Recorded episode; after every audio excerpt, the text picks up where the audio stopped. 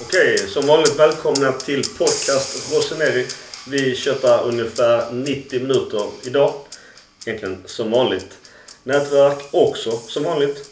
Milan Club Svezia och svenska fans. Så gå in på de här plattformarna så får ni all info om Milan. Om eh, någon vill bidra till jobbet bakom så har jag ett swishnummer 0733 16 20 57. Alla kronor räknas och uppskattas. Men vi bjuder in eh, Mackan och Gurra direkt och börjar kötta.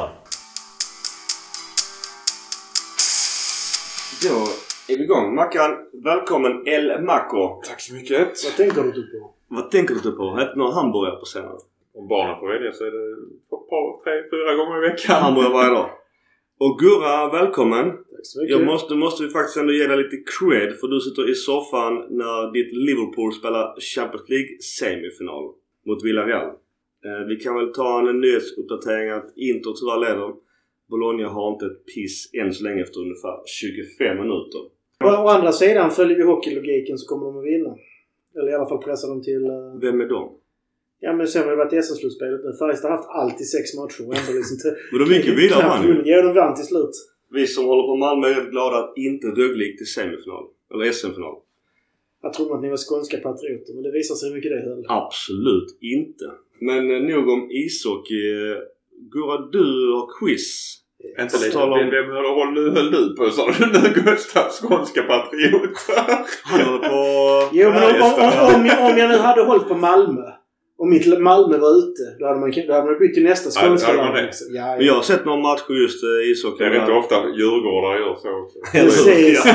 Ja, då menar du att Djurgården då inte håller på AIK och sådär? Men jag såg ju någon sån jävla bullurk eh, när jag såg Malmö-Rögle senast. Så hade han sån t-shirt. Jag håller på alla lag MIF möter. Och så bara så åh. Gå dra åt helvete. Men nog om folk från eh, Sjöbo marknad och deras kläder. Gurra spelschemat quiz-start. Då är det quiz där. Vi har, är det set två eller vad fan sa vi Nej, sist? Det var just- ganska länge sedan. Mackan vann i första. Det handlar 1-0 i set. Han har 1-0 i set. Och eh, i den här omgången så leder Micke med 2-1. Oh, jag har redan glömt. Men eftersom ni är så kassa för så få poäng så har jag faktiskt lagt till två frågor idag. Så nu är det fyra var. Jag tror jag har fått två pluspoäng per automatik. Nej, nej det kan vi inte göra. Ni är inte dåliga på att ta poäng utan ni får Ja, det. precis. Resonera tyst för mycket av det ni kommer fram och tänker på kanske kan hjälpa den andra och ge dem svar, inte på kanske aktuell fråga, men kommande frågor. Okej. Då har jag i alla fall varnat er. Ja, jag brukar vara skitdålig på det. Jo tack, det vet Nu handlar det om motståndarstatistik i alla turneringar. Milans motståndare i tävlingsmatcher. Och eftersom eh, Micke leder så får du välja om du vill börja eller låta Mackan börja. Ja, det är lite pussy att lämna över den så jag börjar. Du börjar. Fråga nummer ett. Vilket italienskt lag har Milan mött flest gånger? Ja. Då gissar jag på uh, Juventus. Detta är faktiskt fel. Mackan? Fiorentina. Detta är faktiskt fel. Det lag vi har mött flest gånger är Inter med 198 matcher. Och två andra plats Juventus med 197. Åh. Jag tänkte det är något av de här lagen. För jag tänkte så många Coppa Italia-matcher. Mm. Mackan, vilket italienskt lag har vi gjort flest mål med? Åh herregud. Hur fan ska man kunna veta det? Alltså genom alla tider. Ja, det Det har ingenting med kunskap att göra när jag säger detta kan jag säga. Det är bara ren gissning. Man måste börja tänka efter att det måste vara lag som de har kunnat spela många gånger mot också. Ja, exakt. Inga Serie B-lag. På eh, Torino. Detta är fel. Micke? Då säger jag Roma. Så jävla...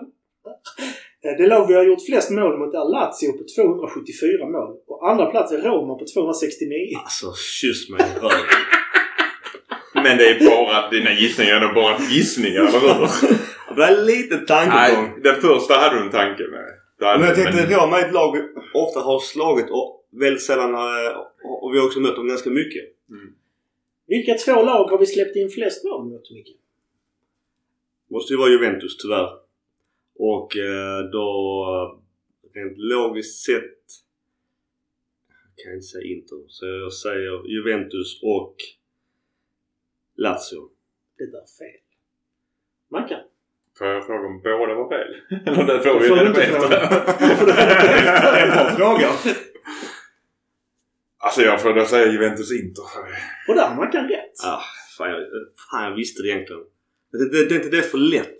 Ja, men i med tanke på svar på föregående frågor. Jag vet. Så, Mm. Därför tänkte jag så.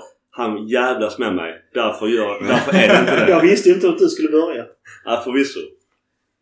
Mackan? Ja. Vilket italienskt lag har vi vunnit flest matcher mot? Finns det någon logik i före, föregående fråga så säger man ju Lazio då. Men det behöver inte nödvändigtvis vara rätt. Men jag, jag säger Lazio. Detta är fel. Då säger jag Roma. Detta är rätt. Ja men logiken! Micke. Vilket lag utanför Italien har vi mött flest gånger? I tävlingssammanhang. I- Bara tävlingsmatcher. Ja.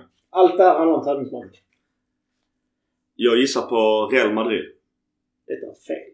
Oh Jesus, det är inte enkelt detta. Men... Eh, och det är så många herrans år att tänka igenom här så det är ju gissningar rakt av. Alltså jag säger Barcelona men det är bara för att eh, jag vet att under de senare åren vi spelade i Europa så träffade vi dem väldigt många gånger. Det är helt rätt. Jag har mött. Barcelona 20 gånger och på andra plats kommer Real Madrid på 17. Ja, det är såklart. Det är många andra platser. Det är andra platsen. Ja, det är som vanligt stolpe, stolpe ut. Vilka har vi förlorat flest matcher mot då, Mackan? I Europa. Sammanhang. Eller Allt. allt. Allt. Förlorat flest matcher totalt. Juventus. Vill du gissa också, Micke? Ja, på Juventus. Eh, hade du gissat på Inter hade jag garvat ihjäl mig. För de vi har förlorat flest på heter Juventus, Juventus med 76 matcher. Och tvåa Inter med 75. Ja, såklart. Piemonte Fick båda poäng på den? Nej. Aha. Piemonte Calcio heter inte det i Fifa? För de har inte rättigheterna. Eller de Fifa inte. Ja, och FM heter de Zebre. Heter de så? Nej, okej. Och nu som vi nu uh, går vi vidare, även om ni faktiskt har lika många den här gången som förr. Men Micke, Mm.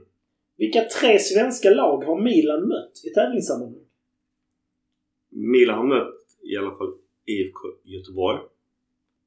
Sen är jag jävligt osäker. Jag gissar på uh, också en rövare. Åtvidaberg, en gammal klassiker. Och uh, då har jag faktiskt räknas Malmö som träningsmatch. Räknas den så tar jag Malmö. Tävlingsmatch. Tävlingsmatch, fan. Göteborg, Åtvidaberg och uh, Halmstad. Ja, Göteborg är jag också ganska säker på. Yusuf Habasti gjorde ju fyra mot dem. På Siro. Jag skulle säga att det räcker med två av tre på den också. Men du Ja. hade inte rätt ändå. Tack för det. Bjuder på det. Norrköping och Hammarby. De tre svenska lagen som Milan har mött är IFK Göteborg, Malmö FF och IFK Norrköping. Då fick du rätt ju. Mackan fick rätt. När mötte Malmö i en tävling? Det undrar jag också. Har du, kan, har du du Vi tar det snart. Vi tar, okej. Så Mackan, nästa fråga är. Två svenska lag har vunnit över Milan. Vilka? Ja, det får ju chansa där på Malmö FF kanske då. Jag, jag vet faktiskt inte. Jag. Jag, jag säger Malmö och Norrköping. Det Göteborg- är, det är fel. Göteborg slog ju faktiskt... Ja, det gjorde de. Förlåt. Ah, Göteborg slog ju visste jag. Milan sjukt Ja. Jättebittert. Och då är ju frågan, jag skulle inte visst- visst att Malmös mötte Milan. Nej, 50-50 alltså jag har alltid fel på det. Men jag säger ändå Malmö. IFK Göteborg vann över Milan säsongen 96-97 och säsongen 68-69 vann Malmö FF Oh! Poäng! Milan. Yes! Och nu står det 5-4 till Mackan. Totalt. Ja, var vi färdiga där eller? Ni, ni, körde, alltså, ni fick tre poäng var i omgången. Alltså, oj, snyggt! Bra Mackan! Gissningar. Mycket av det logik. ja, det blev ju det. Vi, hade ju, vi var ju nära i tankegångarna. Jag hade ju några andra Alltså. Göteborg visste jag ju egentligen. Det skäms jag för mig.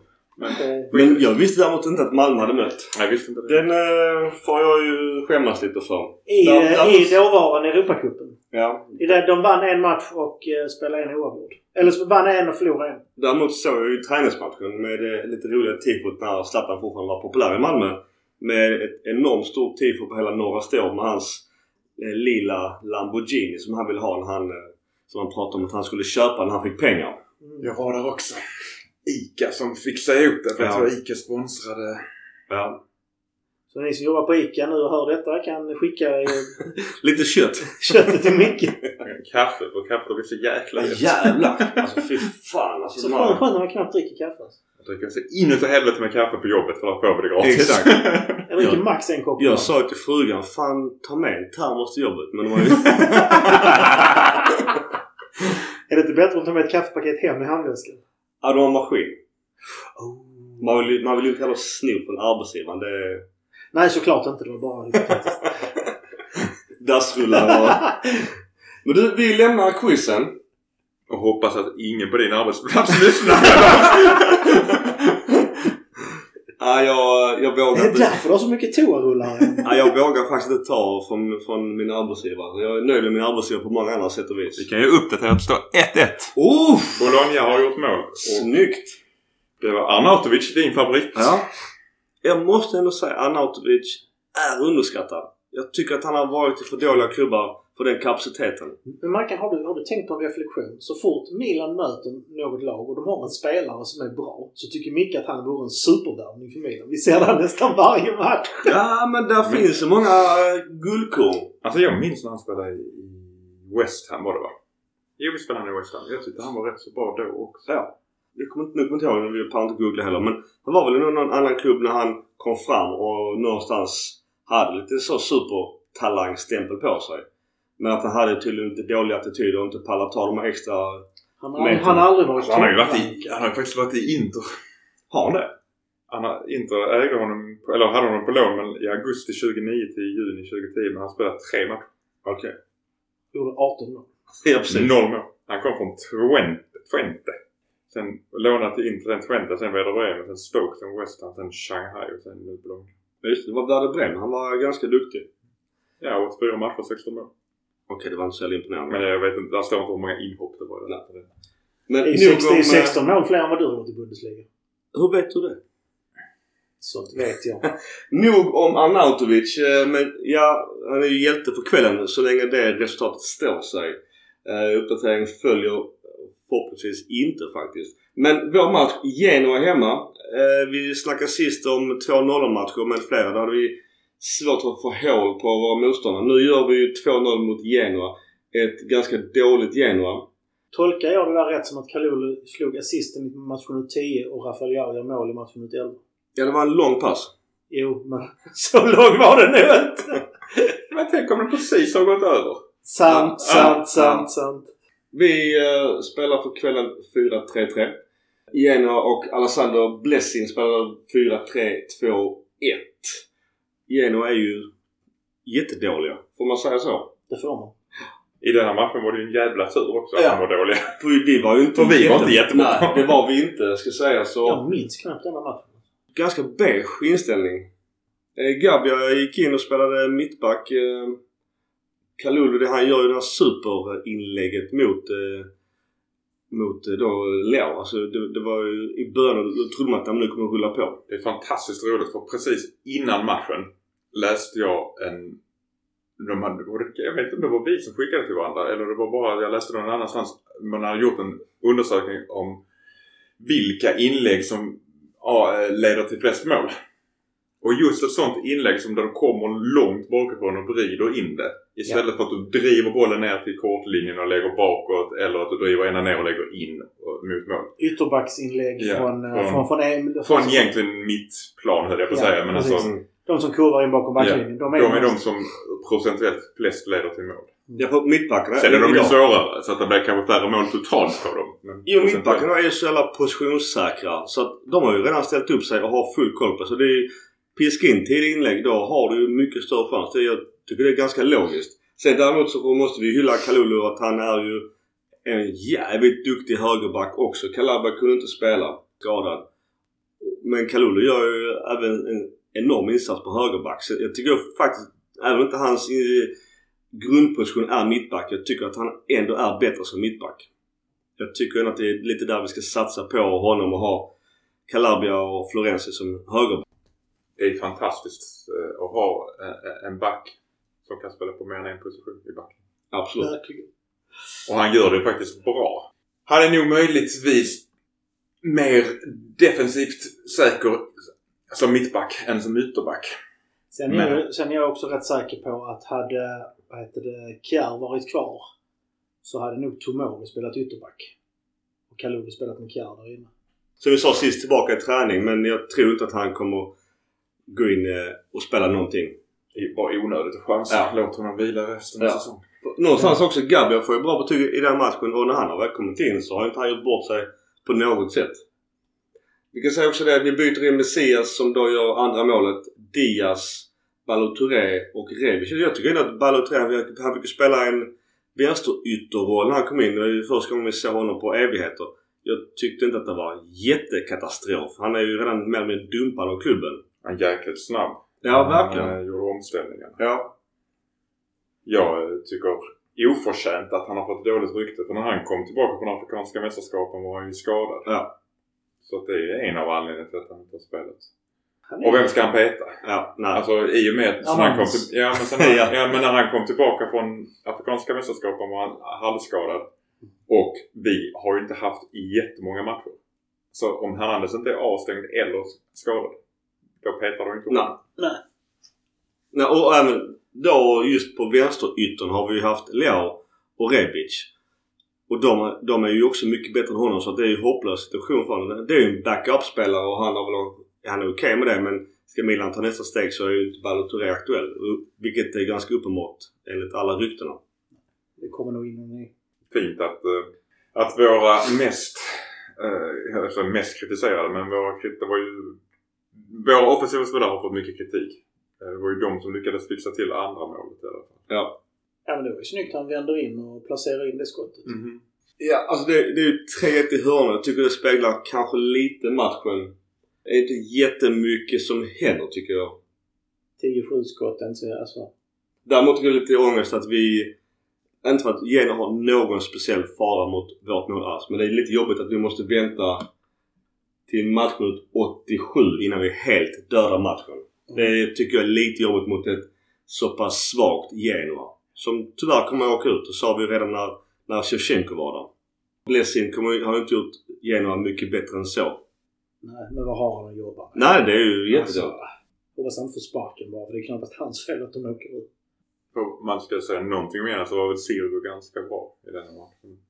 Det känns som att alla målvakter har sin bästa dag när Mm. de möter Milan.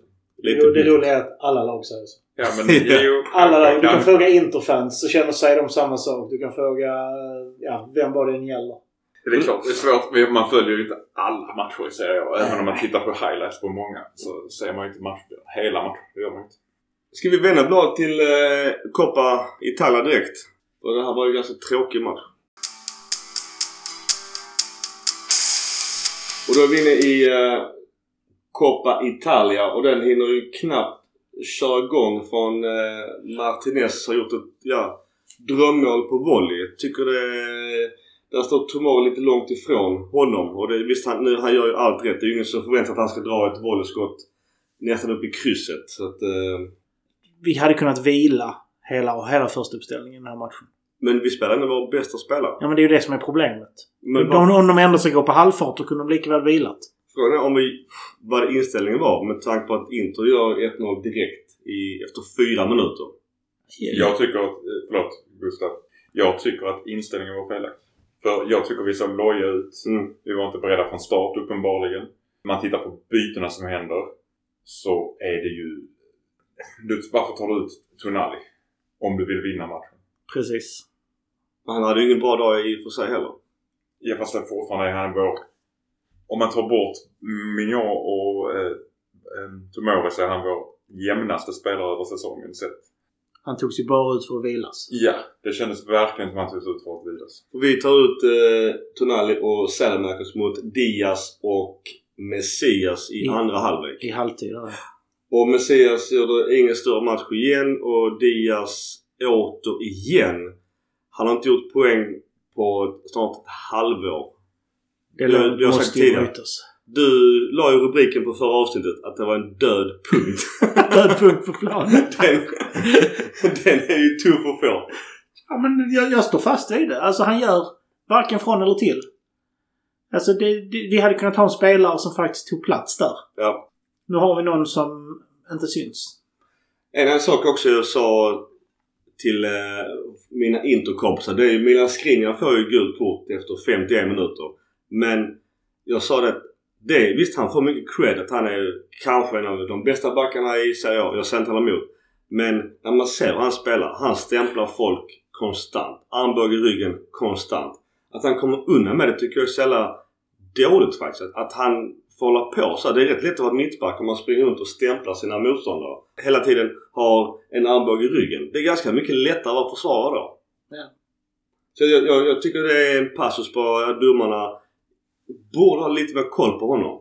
En riktigt bra försvarare ligger ju faktiskt på gränsen hela tiden.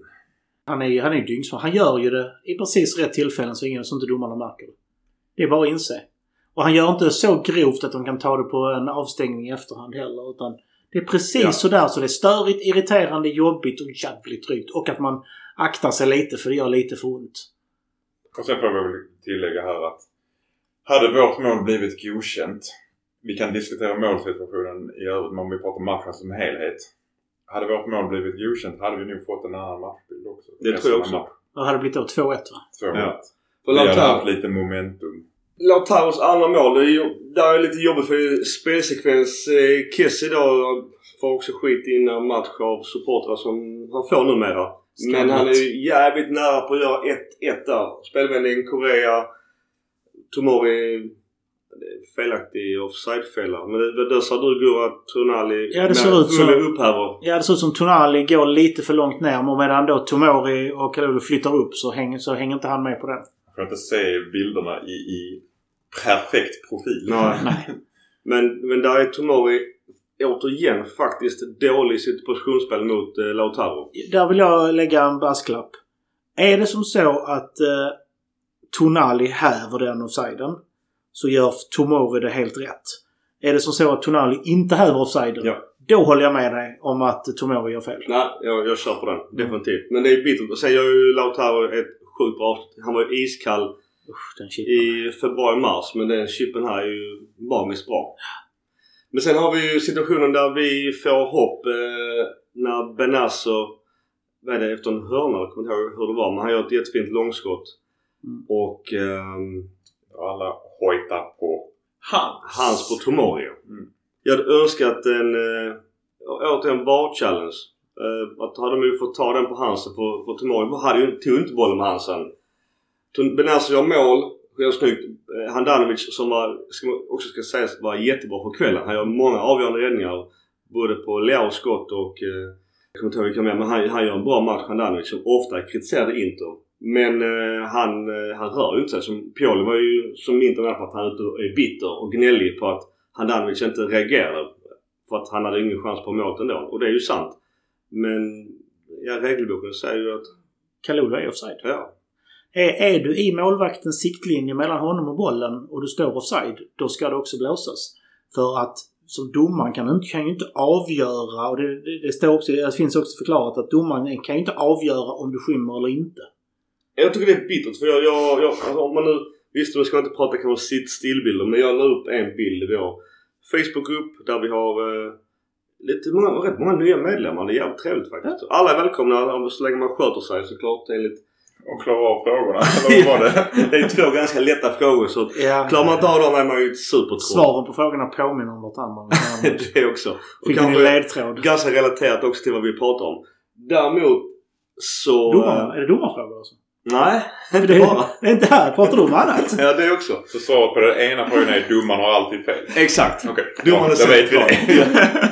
Men vad jag skulle säga nu att eh, Kalulu då, enligt den bilden jag la upp, så skymmer inte han alls Samir Handanovic. Och så, han hinner inte reagera för det är så pass bra skott. Men där är ju regelboken, tycker jag, jävligt svartvitt i det läget. Även om Premier League i helgen hade En Ja. annan bedömning som var felaktig då. Men han, den har han fått kritik för också i Premier League. Ja, det förstår jag. För det var ju Mm. konstigt att det inte har samma regelverk. Men det, Jag är nog en av få som just i den situationen när jag såg reprisen tänkte det där är ju offside. Tack. Mm. Det kände jag direkt. Och jag skrev det till dig i vår Ja. interna chatt att jag, nej det där är ju offside. Hade Kalulu möjligtvis rört sig på andra hållet. Alltså ut på, om man tittar på hur han står med ryggen, hö- höger sida. Fast han rör sig sig från mot, eh, Handanovic. Fast po- poängen är att han rör sig inåt plan. Mot, Ja. alltså framför mål. Poängen är att det ska ju bedömas. Alltså egentligen tar, tar man en freeze frame precis när han träffar bollen. Kan vi freeze framea där och se exakt var finns Kalulu? Jo, han finns med, i den här linjen mellan målvakten och bollen. Ja, men då är det offside. Vi, vi, vi kan tycka vad vi vill och det sa till Micke att ha, hata liksom i så fall regeln men inte, inte, inte, inte den som blåser för det. Fast min, min poäng är fortfarande jag, utifrån vad jag har sett, tycker alltså Kalulu är offside. Det- är ingenting att diskutera. Den är ju klar. Däremot så jag ser inte att han springer framför Handanovic och stör honom. Rent tekniskt sett påverkar han spelet tycker jag. Det är, Ja. där, det är där jag... För hade han då rört sig... Han har en liten stund på sig att röra sig. Han rör sig inåt mål. Alltså inåt mitten. Han har rört sig på andra hållet. Så hade kanske inte... Kanske hade det inte räknats som att han påverkar spelet längre. Men man brukar, han brukar då som en kon utifrån spelaren, Mm. där som är siktlinjen. Ja. Pioli är ju jättearg efteråt och där tycker ju såklart Interfans att han är helt bölig. Å andra sidan när man ser videoklipp och från just VAR-stationen så står ju Simeone Inzaghi och bölar som ett litet rövhål och vill påverka så mycket han kan. Så jag- Men det är klart att det är deras jobb. Ja det är Det är det. med Min, det. poäng däremot att, Pioli menar på någonstans, det spelar ingen roll, han hade inte rört bollen ändå. Men jag tycker lite konstigt att Pioli ändå har den argumentationen. För att det är fortfarande svårt att trolla bort Detta är, ju, detta är ju faktiskt en intervju direkt efter match. Innan han har troligtvis sett... Innan han har sett några bilder. Sen dess har han varit tyst. Sen har Och klubben, jag tycker att det har varit jäkligt mycket gnäll. Framförallt från Interfans att Milan gnällde för mycket på domaren. Men det har inte varit särskilt mycket officiellt efter just den intervjun. Det Nej. är inte så att vi har gjort någonting efter. Och sen är det också svårt att gnälla på ett matchresultat som slutar 0-3. Även om jag tycker inte att det faktiskt speglar matchbilden helt. För att återigen när man tittar man tillbaka på highlights idag så ser man att vi har ganska bra chanser när det står 1-0 till och vi är inte med i matchen. Vi lider ju än en gång av att vi är ineffektiva framför mål. Ja. Och att vi har en dålig bredd. Ja. För det räcker med att någon har en dålig dag. Då faller, faller stora delar av laget ihop. Och den Jag, jag skickar ju till er, eh, jag la ju upp en för, alltså, första och andra elvorna i Milan och Inter. Och alltså Inters andra elva är ju inte mycket sämre än första. Jag kan säga också just med vår effektivitet att den dagen Leo lär sig att skjuta med båda fötterna så kommer han bli en av världens bättre spelare. Ja, Han har alla förutsättningar. Eller få det där extra steget så att han får den ytan han behöver för rätt fot. Vi måste också bara nämna, just på tal om Benazzo. Jag vet inte- kommer inte ihåg om det är efter Intermatchen. Men att han har gjort 100 matcher för Milan och det är ju stort och eh, bra. Maldini såklart tackar han på Milanello och även då säger att eh, gratulerar såklart till 100 matcher och att han även ska spela många fler förhoppningsvis och även vinna några titlar. Hans kontrakt är ju inte kritat än. Är vi oroliga för Benazzos kontrakt? Eller? Det är sånt som kommer. Så jag tycker det är lite snyggt att var det både Gazzidi, Massar och Maldini var där för att lämna över det. Ja men det är de alltid. Jo, men det är snyggt Ja, ändå av klubben att ta Ja. det. Om han lämnar... Det är en bra spelare. Men han är ju ersättningsbar. Benazzo? För de pengar vi kan få för honom är han ersättningsbar. Ja, jag vill inte sälja honom för under 50 i så fall. Nej men det jag säger, han är ersättningsbar. Jag ser, jag ser inte honom som en av de här... Men det är väl alla utom Zlatan? Eller? Det är inte en Tonali, Tomori, man, alltså man gör den nivån på det liksom. Där jag känner att det blir ett stort avbräck om han hade lämnat. Mackan, vad säger du? Benazzo avslutningsvis eh, Coppa Italia. Ska jag prata om honom i Coppa Italia? Ja, du Eller får- får du det du får svänga det- det var helt, Du får helt det hur du vill. Du får okej. swinga det hur du vill. Eh, Jag tror att vi kommer få... I och med att det snack, är väldigt mycket snack om eh, ägarbyte så tror jag vi får vänta på alla kontraktsförlängningar till det är klart. Ja. Så att prata just nu om att inte våra spelare förlänger har nog mer med det att göra än, än någonting annat. Vi ska också säga att, att eh, Robin Gosens blev inbytt i 79 och gör mål i 82. Det är hans första mål. Där, där går ju Milan all in och mer eller mindre skiter i det. Det som också är värt att nämna är att vissas eh, favorit, eh, heter han, Lasetic kom och gjorde Ja. Marko Lasetic eh, fick sin premiärmatch. Svårt att stå där med Skriniars armbåge i nacken och stämplingar så att det... Han, det, Han dålig första touch. du såg han direkt. Ja. Men återigen här. I, 70, I 73 minuten. Vi ligger under med 2-0. Vi är på väg att tappa detta. Och så byter vi in Rade Kronic. Matchen är redan slut och vi, alltså, vi ligger under med 2-0. Vi, vi kommer inte att vinna detta, det borde man ju säga. Då har vi ju spelare som borde få speltid. Rebic måste hitta formen. Har, Rebic blev ju skadad i halvtid. Eller var det den matchen? Nej. Jo, Var det var det. Inte i denna matchen. Jo. Jo, jag tror det var i Koppan. Han var på bänken. Ja. Skulle värma i halvtid och fick ont i knät. Ja, det bommade jag. Jo, men alltså, men Bakayoko kanske, för att han ska få lite matchtid. Det, då kan vi vila någon av de etablerade spelarna. Det finns spelare som behöver matchtiden mer. Det är ju mycket mer rykte nu igen om Bakayoko att, att hans period i Milan är slut. Alltså eventuella nya ägare eller vad det nu blir är ju inte intresserade av Bakayoko för fem öre. Och rent det- där, vi pratade om det sist, vi behöver inte dra det igen. Men det, det luktar någonting konstigt i hans kontrakt eftersom han är totalpetad. Eller så är han bara skitdålig på träning. Jag kan ha dålig attityd, jag vet inte. Han är ändå med på bänken. Istället för någon lovande junior. Ja. Det är den jag funderar på. Om han nu hade varit och tokpetad då hade han suttit på läktaren. Mm. Jag kanske står något i kontraktet om det där också. ja precis. Precis.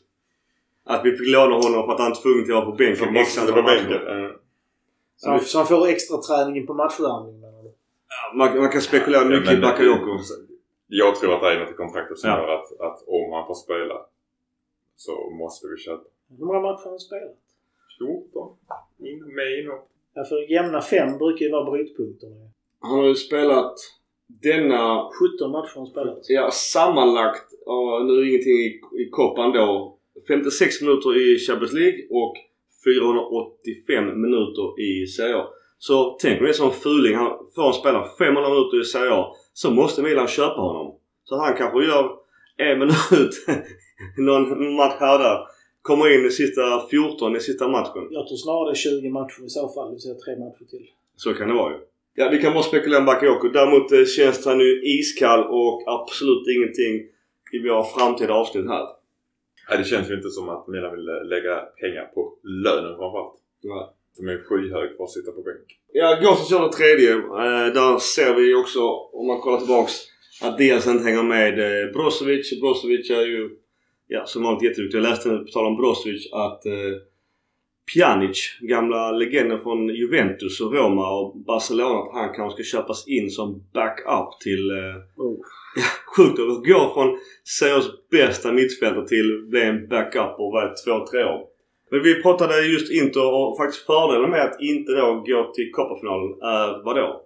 Fördelen för Milan är att vi slipper spela en cupfinal när det faktiskt är två matcher kvar i Serie A. Mm. Den brukar ju aldrig ligga under seriespelet utan den brukar komma någon gång mellan seriespelets slut och Champions League-finalen. Eh, och då har alltså Inter eh, en ganska jobbig final mot Juventus. Eh, Juventus har ju ingen chans att vinna Serie A så de kommer ju vilja vinna den matchen. Ja, de tog tre poäng mot Sassuolo här nu i veckan. Fy fan vad orättvist. Nu såg inte jag matchen, jag bara såg på och man ska, visst man kan vrida på statistiken. Men jävlar vad det kändes orättvist. Men det är klassiskt Allegri grisfotboll. När Mm. han faktiskt... Nu måste, jag, tyckte inte han, jag tyckte inte han spelade så med Milan. Men som han har gjort med Juventus när det går mindre Mm. bra. Eller? Men det är gott ändå att sista omgången att de har en match som extra där som sliter ut dem och så vidare. Ja för när väl är det final så går man ju med full inställning såklart. Ja men såklart. Alltså en titel är en titel är en titel liksom. Och, och sen efter det så kommer då en ligaomgång eh, då vi sitter här och tittar på eh, fotboll medan Micke tittar på tennis. ja, så blir det ibland. det är dock Roland Garros. Men du, eh, vi lämnar Coppa Italia och förlusten mot Inter med 0-3. Det suger lite. Det var fulla läktare så Inter får rätt mycket pengar för den matchen om inget annat. Då är vi inne i eh, Maurizio Sardis Lazio. Guida då eh, dömer och vi hinner knappt bänka oss igen på Olympico. Nu var vi inte där men framför TVn.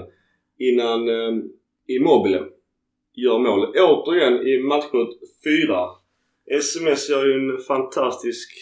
Ryck och inspel. Ja, alltså det kändes lite likt eh, faktiskt Inters första mål. Tycker vi än en gång inte alls är med direkt från start. Nej. Vi är inte på tårna, Nej. som man säger på hockeyspråk. Jag bara skojar, man har ju skridskor på sig ju. Ja, det var jätteroligt. Men här har man ju fotbollsskor Micke. Hur fick du ihop det? Men däremot, ja, jag ska inte... Jag, jag får mig man helt på. Det är klart han kommer. Alltså för honom att framstå dålig klipper han bort. Men du däremot, Stella Kosha, utgående kontrakt. Eh, hade varit en fin backup på Magnon till sommaren kan jag tycka. Däremot, han får gult kort i åttonde, eller åttonde minuten. Jag tycker att det är rött. Det är det inte. Den studsar upp på honom. Han gör en avsiktlig hands utanför straffområdet.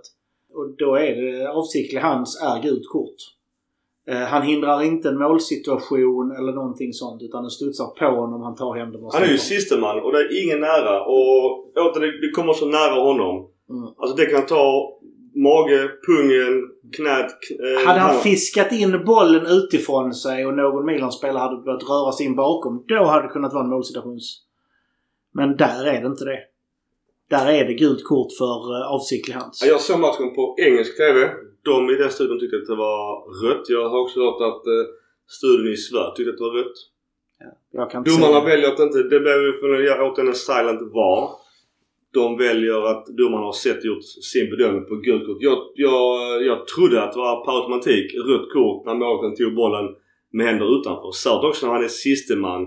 Det är ju inte en spelare i Lazio på ja, mil. Ja, men där, där, där, där är skillnaden. Om han avbryter en, en målsituation med ett regelbrott. Men det gör han ju. Han tar med Nej, eftersom bollen studsar upp på honom. Och han tar ju med händer precis framför sig själv. Men jag, jag förstår fortfarande inte hur det kan vara skillnad. Ja, men det är det. Om bollen hade varit på väg att passera Ja, jag fattar skillnaden. och han slänger sig Jag och tar fattar med den handen. skillnaden men jag, jag tycker fortfarande att en målvakt som tar med händer utanför straffområdet. Ja, men det, nej, men det, eh, reglerna... Jo Alltså, men bara för, bara för att han gör det för att han, han, han tar det i sin egen skopa. Alltså det, då, då ska han, då ska domarna någonstans förutsätta att han lyckas så. Trixa bollen, ta ner den och sparka den vidare. Så sist man, med den enorma stressen. Jag tror det var Messias som stod där och, och stressade honom. Men återigen, det är inte domarens uppgift att bedöma hur bra fotbollsspelare han är. Eh, vilket du är inne på. Det han gör är att han stoppar bollen framför sig själv. Han fiskar inte in den, han hindrar inte, han kastar sig inte. Han gör en avsiktlig hands utanför straffområdet. Och då är det gult kort. Vad hade hänt om en utespelare? Gult kort. På den Alltså situationen. händerna så? Japp. Alltså fånga med båda händerna? Avsiktlig hands, gult kort. Men då är inte målvakt, då är inte en utspelare siste man. Det är det jag med på. Det är ju ingen bakom. Det är ett tomt mål. Men Det är bara Messias. Och jag kan hålla med om att det inte är någon målsituation. Alltså målchanssituation. För att bollen är ju inte... Han har ju verkligen inte kontroll på bollen, eh, Messias. Det är ju ren tur att han får den med sig om vi ska vara lite ärliga där. Mm. Sagt. Han hindrat den att gå förbi sig, det vill säga han har gjort någon rörelse vid sidan om. Gjort sig större och tagit den med Jo men den är ju ganska uppenbar. Jag, jag bara tyckte någonstans att det är ganska återigen svartvitt regler. Men då blir det, då blir det ju en bedömningsfråga. Ja, men det är en avsiktlig hands utan straffområdet. Han hindrar inte en pågående målsituation. Gult kort. Vi går vidare. Vi kvitterar av eh, Giroud i 50 men detta målet är ju helt Rafael Leao. Som cyklar Fantastiskt förarbete. är sjukt. Alltså för fan vilken speed. Och återigen det som är svårt med Leo att så vi, jag, jag, jag minns jag sa det själv, jag vet inte om det var en eller två sommar sedan att om inte vi får rätt på honom eller spelar honom rätt i vår taktik så får vi kränga honom. Men spelar honom rätt så kan han bli eh, en enormt duktig spelare. Det var, så satt vi här och hade långa utläggningar om... Det var i, sommar, i somras. Jo men det var ju för att Rebic var ju så jävla bra där och då som vänsterytter vilket tyvärr inte han har varit alls denna säsongen. Ännu mindre 2022, tyvärr. Men det har ju varit jävla gynnande Leo för att han har ju fått spela sjukt mycket och gjort det svinbra. Oftast. Och Giroud är såklart på rätt plats. Ja. Det, det är ett jävla Det är ett viljemål. fint mål. Viljemål. Han är, han är en opportunist, Giro. Han vet, han, straffområdet är ju hans arbetsplats. Kort efter Lucas Leiva kort. Eh, jag tycker att han borde fått eh, några kort till. Det är, jag gillar ju sig Lucas Leiva. Jag, jag minns ju när Milan vann Champions League 07. Då spelade jag, man Lucas Leiva spela i Gremio. Utgående kontrakt. Han hamnade väl i Liverpool istället tror jag. Liverpool. Det var mycket snack om Milan där och då. Jag, jag fattade fortfarande inte varför inte Milan tog honom 07. För han var... Man såg att det där är en... För då hade han börjat konkurrera med Gattuso, men- ja. Ambrosini. Men också det var killar som var på, ja inte downhill men det var gamla gubbar.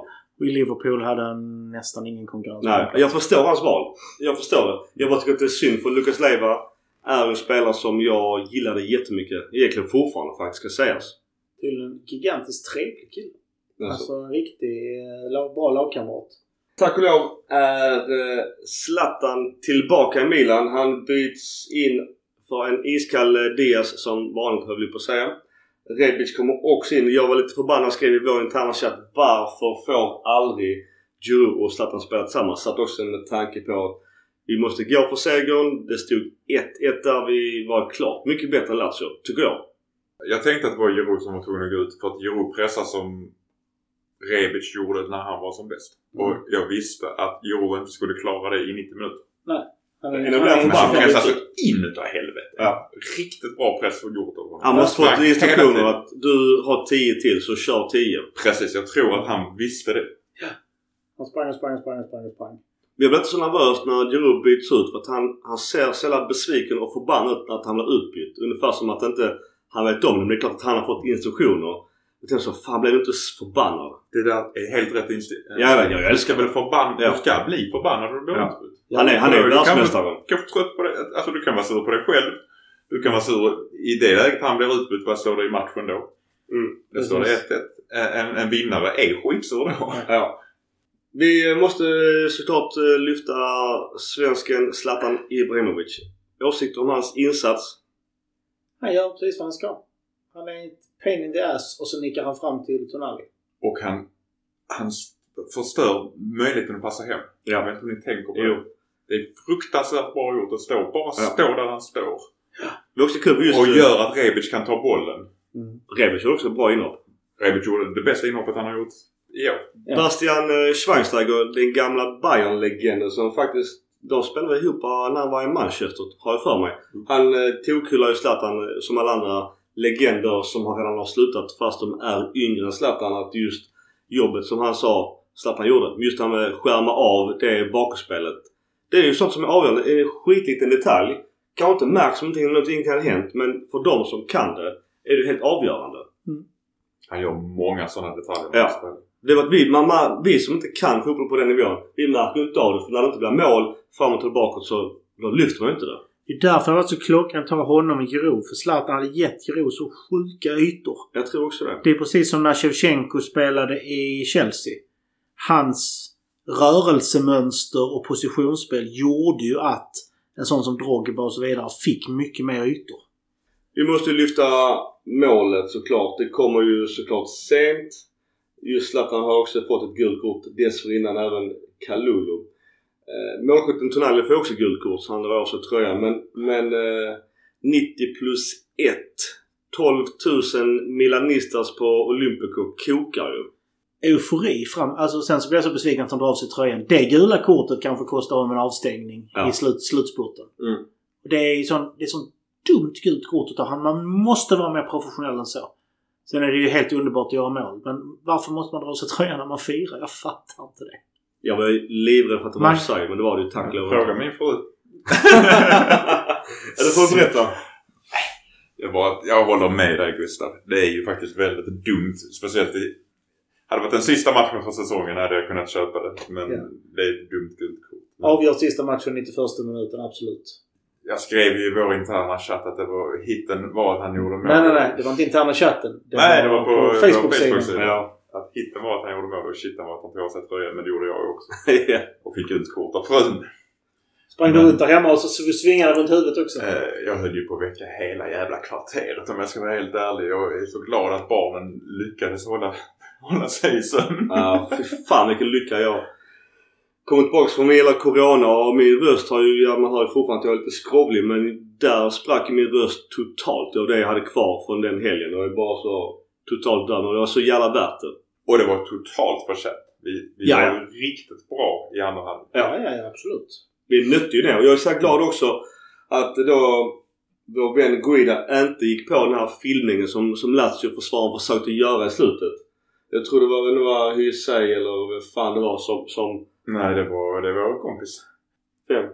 Som spelade i Milan. Acerbi. Mm. Var det som filmade på kanten? Inte på kanten. Nej. Jag trodde du menade Jag tänkte Tonali. jag tänkte Tonali gör ju en knuff. Ja, jag Han gör ju för att det. rikta till sig själv. Ja. Jag tänkte så här. Låt det inte bli VAR. Ja. Och eh, att inte Men blir poängen är det att jag, jag, vad- jag ser på den med Tonali, hans, att han, Tonali sätter händerna i ryggen men han trycker inte. Han är Den- den- mer ändå ju. Ja, den andra killen känner händerna och förstärker Mm. lite grann. Så att, eh, nej. Vi måste lyfta gula kort för tyvärr får både Kalulu och Tomori också gula kort. Eh, De är ett kort ifrån avstängning. Vi har fyra matcher kvar. Det känns inte riktigt taktiskt läge att eh, ta någon match att det är bättre eller sämre att bli avstängd. Jag får hoppas att de inte gör mål för då måste man ju dra av sig tröjan. Så. Ja, nu gör väl inte just Tomori och Kalulu jätteofta mål. Där är väl... eh, Säg det till Juventus. Jag tycker ju att man tittar på Tomori och hans gula kort så beror det på att han inte riktigt är lika bra form längre. Ja, tyvärr. Alltså, liten dipp. Liten dipp. Och det är ju nackdelen när han, inte, när han aldrig får vila. Tomori är ju oersättlig just nu. Ja, ja absolut. Ja men det är det jag menar. Ja, ja. Han hade kanske behövt vila en match. Eller kanske komma in i slutet eller spela en halv, vila en halv match. Men vi har inte råd att låta Tomori vila just nu. Och det är därför vi ser de här att han formen tippar lite ibland och så. Du är ganska låg fortfarande. Jag tror du kan inte heller sitta så som... Men eh, vad säger vi om, om Sarris bittra uttalanden efter matchen? Är, är det trams? Alltså, det, stod med och skjut... ja, det är hans jobb ju. Ja. Ja, men det är det är lika trams som att hålla på och älta domarmisstag och hävda att domarna avgör matcher och skylla allting på domaren och veckor och månader efter dra upp domslut. Jag tycker bara det är löjligt. Ta ansvar för ditt eget lag, ta ansvar för egna spelet. Domslut får man med sig ibland, domslut får man emot sig ibland. Det är bara så det Han hade en sjukt ful keps. Måste vi säga. är. Alltså det är ingen vacker man till en början med. På tal om legender. Eh, det är ju många bilder. Jag vet inte hur man ska tolka de här bilderna men då var sportchef Massara sitter kvar på bänken långt efter matchen. Man kan ju bara spekulera. Hänger han löst till eventuella nya ägare? Hans kontrakt och med Maldini är inte heller påskrivet än. Det tror jag inte han gör. Han satt kvar och njöt. Han hade ingen uppgift just då. De har vunnit. Han, han, jag, tror, jag tror bara han tog in stunden. Eh, 100% klara för Champions League va? Ja, det är klart. Eh, då, då är det målet klart. Då kan de börja jobba nu för då, då börjar det sättas en budget. Visst, eh, ägarbyte och så men att ändå veta att man har det att spela med. Jag, jag tror han bara satt och andades ut och njöt av situationen. De har nått det målet de skulle göra för säsongen. Ja, man Man, kan man, spekulera. behöver inte måla upp någonting. Ja, att Kanske det hade ont i magen. Ja. Korven var jäkligt dålig på... Alltså, Sitter man inte på muggen då? man måste ju faktiskt eh, inte dra vä- växlar på något håll. Nej, det är det, det, är det jag vill komma fram Men det är Italien. Man måste dra växlar på allt. Lite så det funkar ju. Ja, men det, Jag det, det är en fin bild måste jag säga Jag också. kan säga så att han har ju gjort ett fantastiskt jobb. Ja. Så jag tror inte han hänger lös om inte det kommer att bli en satsning alla PSG. Ja. För då kanske du vill ha någon annan. Han har ju gjort ett... Både han och Maldini har gjort ett fantastiskt jobb med den budgeten de har. Och Pioli. Och Pioli, ja, absolut. Det, det tar jag inte från. Vi ska bara se din övergång Gur här. Jag missade den. Utan jag hoppar på direkt. att Du var inne på domaren och det har kommit ut en tabell som eh, man kan också diskutera. Återigen till Italien till Duellia. Jag vet inte exakt hur och vem som har gjort eh, själva bedömningarna. Men om man ser på domarmisstag, vad det har kostat olika lag. Så skulle Milan haft plus 3 poäng. Napoli plus 2. Inter minus 5. Roma plus 4. Juventus minus 7. Lazio plus 2. Fiorentina 1. Vilket hade gett en tabell. Milan 74 och Napoli 69. Inter 64. Roma 62. Och då står jag fast vid vad jag sa innan. För först tycker jag bara det här är rent jäkla trams. Vad är ett, vad är ett domarmisstag? Vem bedömer det? Bedöms, bedöms alla frisparkar? Bedöms allting? Och sen, ett misstag är ett misstag. Då borde vi ha en tabell med eh, antal, där vi tar bort alla felpassningar som alla har gjort. Alla missade skott och så vidare. Fast det är ju inte matchen Jo men vänta, vänta. Nej. Det här är bara trams. Jag förstår inte hur folk orkar. Vad är alltså domarmisstag och göra tabeller på det? Vad spe, alltså, Det är Italien. ja men... Italien. Det är- Eller, eller det är- Mickes vardagsrum. Det är Italien. Så är det ju. Ja. Alltså det, det kommer alltid diskuteras i Italien för att där är pressen på domarna så hög och du har själv sagt att de vill gärna stå och brösta upp sig och tro att de är Absolut. centrum av allt. Då får man också någonstans ta baksidan med det. Står där och spelar jävligt cool och, och helt avgörande. Ja då får du också syna baksidan. Och detta är ju baksidan av det. Att, att det blir ju någonstans... Jag säger inte att detta är svart på vitt.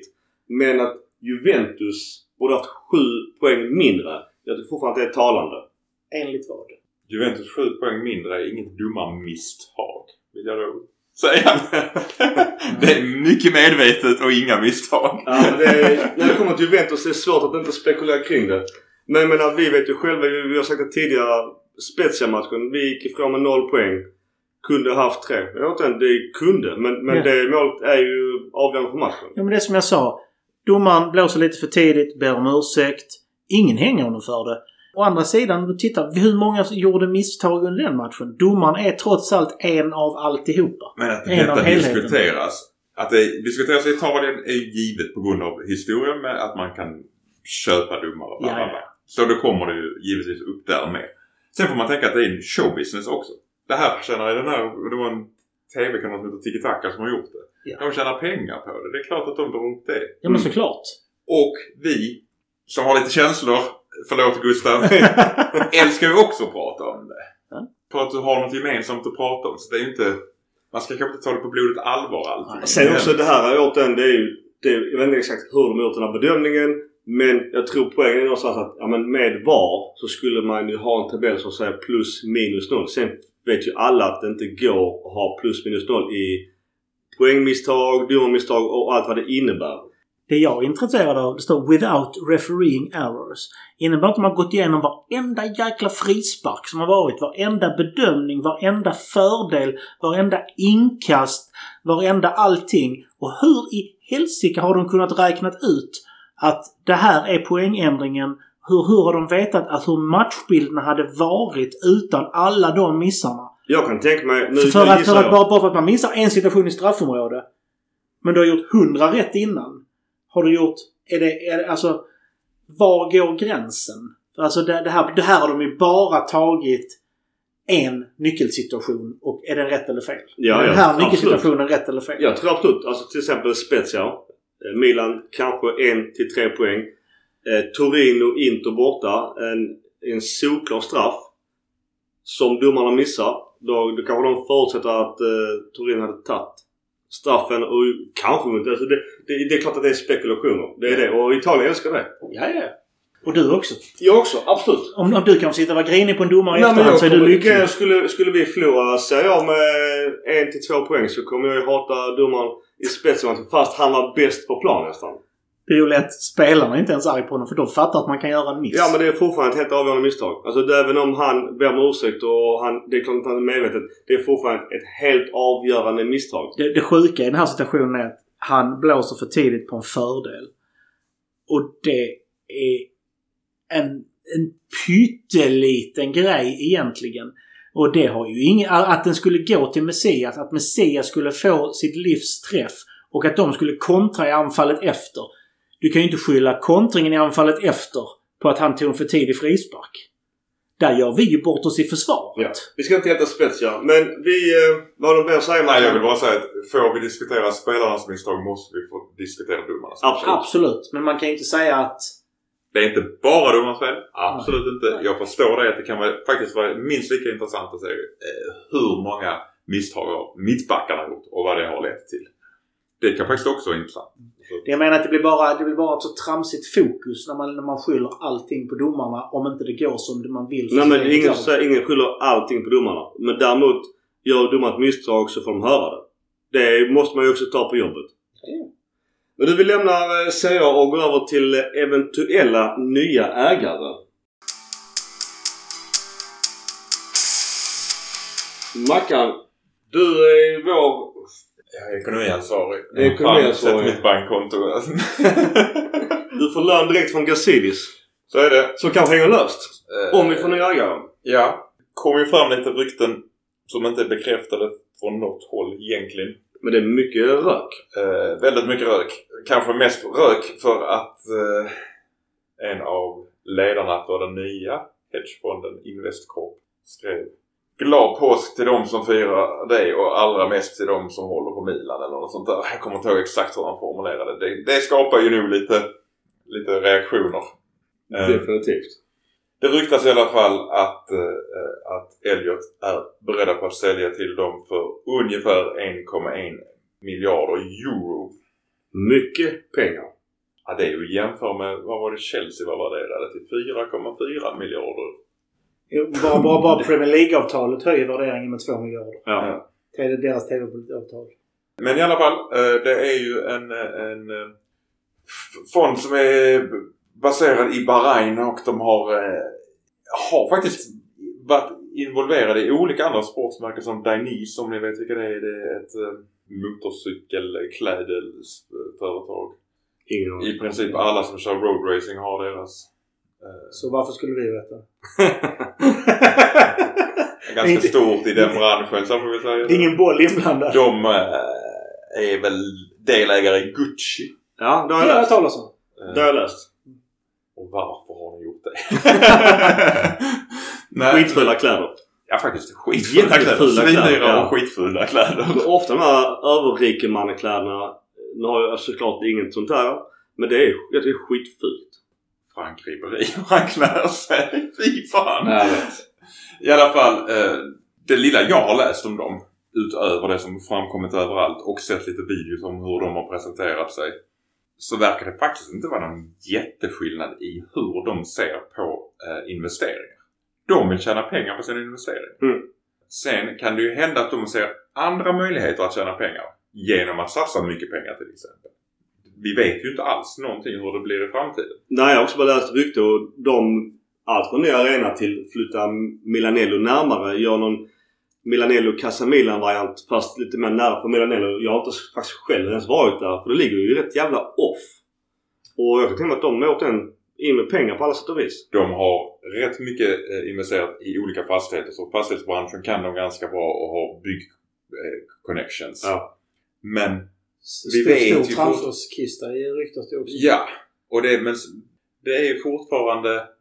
Fortfarande kommer Milan som klubb, även om de har en rik ägare, så måste investeringarna ske på rätt sätt och en rik ägare kan inte bara slänga in pengar längre utan du ska hitta lukrativa sponsoravtal. Ja. Alltså det var någon som skrev eh, nu när det är så mycket snack om, om, att eh, Elon Musk ska, kö- ha, eh, köpt, ska köpa Twitter. Kan du inte köpa Milan också? Han har köpt Twitter. ja. Och jag bara säger varför ska han köpa Milan? Det är bättre att han fixar ett fett jävla sponsoravtal. Ja, visst. För att då har du helt plötsligt pengar också Mm. som du får röra dig Ja. med. Hej, de här, de här företagen som jag känner och som... Ja, alltså, men problemet Investerar i min klubb så investerar jag i om du tittar på hur den här hedgefonden fungerar och jämför med ägarna till PSG och City. Mm. Som är ren sportswashing. De vill tvätta sitt rykte vitt i europeisk fotboll. Ja. Jag tror inte att de har den här för att det är inte samma bakgrundsägare. Det är rika ägare men det är inga stater som Nej. äger det. De behöver inte tvätta eh, ryktet för Qatar-VM rent. Där är inte, Går det ens? Nej, men alltså du vet, jag tror inte...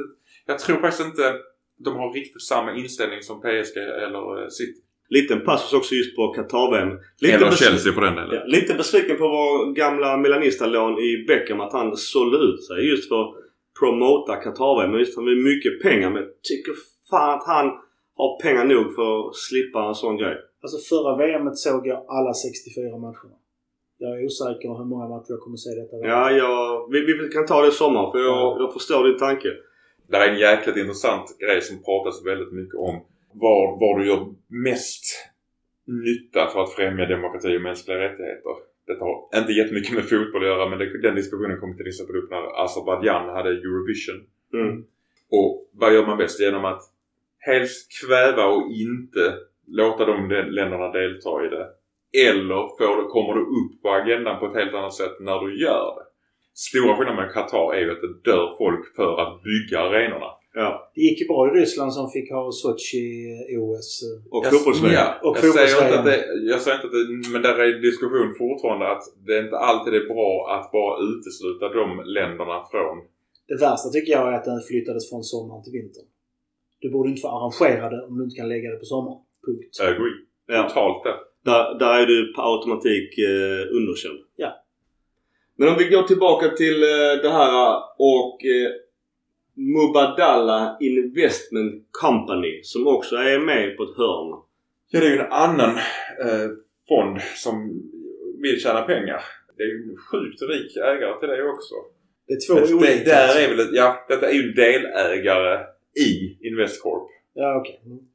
Som, alltså du vet det är ju sådana uppbyggda för att du ska kunna tjäna pengar och slippa skatta på alltihopa så mycket som möjligt. En Ikea-lösning. Kanske delvis, men det är i alla fall en eh, från, från Abu Dhabi, Förenade Arabemiraten, som är delägare i det som har en intäkt på 165,6 miljarder i, i eh, Och i det... ja, så det är ju valutan i Förenade Arabemiraten. Man kan säga att de har 55 000 anställda så det är ju rätt så stort företag. Jag varit inne på deras hemsida bara kort. Visst man kan ha en hemsida som ser proffsig ut men, men det luktar lite lyx. Och Ja, absolut. Men jag, jag fortfarande måste jag säga att innan vi vet om det överhuvudtaget blir en affär. En uh, AED är värd ungefär 3 svenska kronor. Ja, så det är ju massvis med pengar. Ja. Fruktansvärda mängder pengar. Nästan en biljon sitter de på. Allting de har gjort hittills har de velat tjäna pengar. Ja. Det känns inte sportswashing. Nej. Och det är ju samma som Elliot. Elliot var ju också väldigt tydliga med att de vill vill tjäna pengar. De är en hedgefond. Vi var jätteoroliga när vi satt och pratade om Elliot och vad det skulle innebära att de skulle sälja av alla våra spelare och sen så skicka Milan till Serie B i stort sett. Nu säger inte jag att det här är bättre eller sämre. Jag jag har inte läst på än eftersom det inte är officiellt. Men de har ju kontakt och jag, jag kan tänka mig att de kan köra över eh, Milano som stad och bygga en arena själv. Och de har ju pengar för att bygga utan Inter dessutom. Det hade varit det bästa att bygga utan Inter. Det står jag fast i fortfarande. Och jag lägger till om, om, om, om vi pratar om mycket pengar så har Elliot betydligt mer. Elliot har mycket mer pengar. Vi Men fördelen- ägare men Ja. Men fördelen med att få en sån här ägare det är ju att de vill ofta gärna innan de backar upp bak så vill de gärna göra ett intryck. De vill ju visa att de är som Elliot gjorde i början. Det gick ändå in lite pengar i början. Det hände ju grejer. Varje sånt här ägarbyte händer det ju saker. nödvändigtvis inte till det bättre får vi då tillägga. För när Elliot kom in så slängde vi ut pengar på rätt så dåliga investeringar. tycker jag. Ja, okej. Jag håller med. Vi, är ju- skuldfria på pappret men de, de köpte egentligen sin egen skuld. Nu, eh, Milan går ju minus igen som vi alltid gör. Inte så jättemycket. Det är ju sjukt mycket mindre än vanligt. Men om man ser just på deras tankar och rykten. De har ju en tioårsplan på att vi ska nå tillbaks till Champions League-toppen. Och vi var lite inne på eventuellt en sommartransferbudget istället för 100 så de snackade om innan kanske 300 miljoner. Enligt rykte. Där får vi bör- börja tänka igen på Financial Fair Play. För bara för att du får en ny ägare betyder det inte att du får spendera hur mycket pengar du vill. Nej. Kvittar hur rik du är. Du måste hålla dig till dem. Det är det jag säger. Ett sponsoravtal med Apple. Ja. Ja. Men då är frågan återigen med deras nätverk. Om de, jag vet inte, trixar med siffrorna. Får lite mera Gazidis deals med träningskläder etc. som vi pratade om senaste avsnittet. Just för att få papperna i rätt med Uefas eh, Financial Fair Play. Sen så, som du sa sist Mackan, så är det diskussion om att göra om Financial Fair Play också. Och, Precis, det är ju inte klart än. Nej. Och de här är ju rätt så slipade så de vet hur de ska dra slipstenen. Det enda jag vill säga är att jag ska bara... Vi ska nog inte tr- tro att det automatiskt blir att vi får hur mycket pengar som helst. Många fans vill ju gärna tro det. Att nu jävlar! Och det är arabägare. Ja. Och det är flöde. Men det, men det är ju det att ryktena säger ju att de vill göra Milan till en topp 10-klubb i världen. Och så vidare. Det, har, det, det- har men- Elliot, men- det har Elliot sagt hela tiden. Vi ska Ja. ta Milan tillbaka till Europatoppen. Ja, men det finns ju inte... Det finns inga officiella källor. Vi får vänta och se. Men som sagt, det brukar hända grejer när det sker ägare och har man en sån här stabil grund, grund att stå på. Elliot hade ju en väldigt knackig grund att stå på när de kom in. Nu har de här nya en stabil grund att stå på. Det kanske blir att det som händer är ännu bättre. Ja, buffén är redan framdukad. Ja. Alltså Elliot och Ivan har gjort ett jävla bra jobb. Även då alltså med Singer och allt vad de heter som de här pamparna bakom det. Så att det, det kommer lite till dukat bord i eh, det här företaget. Mm. Där finns ju redan en god grundstomme. Mm. Vi behöver inte köpa en 11 nya spelare. Jag är rädd om vi gör det. Ja. Jag vill inte se Nej. en revolution även om vi köper bra spelare. För Ja. då måste du helt plötsligt spela ihop ett nytt lag. Men en 3-4... Om vi nu får jättemycket pengar. Så säg en 3-4 riktigt etablerade spelare och ett par, tre unga. Det är där man får lägga det. Man Ja. köper ju inte 11 när vi har toppspelare på rätt många positioner redan. Det behövs en riktigt bra högerytter. Det behövs en anfallare. Det behövs en mittback. Det behövs kanske en mittfältare till. Det är fyra spelare. Och sen några unga, unga lovande. Jag är kanske lite nostalgisk men jag tycker det är lite... Du skrev det också i vår interna chatt. Vad fan, de får inte, får inte skörda frukterna av allt de har sått. Nej. Om de säljer nu.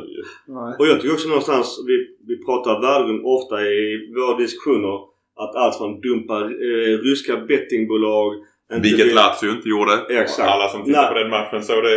Exakt. Ja, men det, det är mycket sånt här som vi lyfter som Milan, om man inom citationstecken gör fina saker. Jag vet inte någonting om det nya bolaget. De kanske bara tänker cash och bara så. Skitsamma att vi har ryskt bettingbolag. De betalar pengar. Vi, vi kör på pengar bara. Och någonstans tappar lite den här Milan-fina familjen. Om, och, inte för att jag är PK, det låter som en riktig PK-kärring. Men jag tycker någonstans ändå vi har ändå svart-röda ränder av en anledning. Och ränderna ska aldrig gå ur. Det är min poäng. Det var fan jobbigt nog att ha Silver Berlusconi som ägare ibland. Ja, det var det. Man fick, man Alltså fick det var faktiskt det jobbiga med att hålla Ja. på Milan på den tiden. Ja. Nej, för han hade ju inte rent mjöl på sig. Det är ju faktiskt juridiskt bevisat. Så att eh, det fick man gärna höra. Ja men Milan och... Inte rent mjöl i påsen och hans uttalanden ibland som var helt horribla. Ja, det var ju i klass med Al Bundy ibland. Faktiskt. Och för Eh, Han, han Palermo-ägaren. Lite på det hållet. Ja. Men men det är Italien. Återigen, man får ta den kulturkrocken för det. Ita- Italienska män och deras TV-show med jävligt... Eh, vad ska man säga? Smäckra kvinnor i höga klackar och korta kjolar. Och så- Jag, jag, jag, vet, jag, jag ska inte bedöma vad de säger för jag kan inte ett ord. Men, Du, du Ove plungar ner den. Men det är ju lite så Italien funkar och det får man ju... Man kan inte heller göra det i jämförelse med i vårt PK-land. Där, där får man inte göra så stort sett.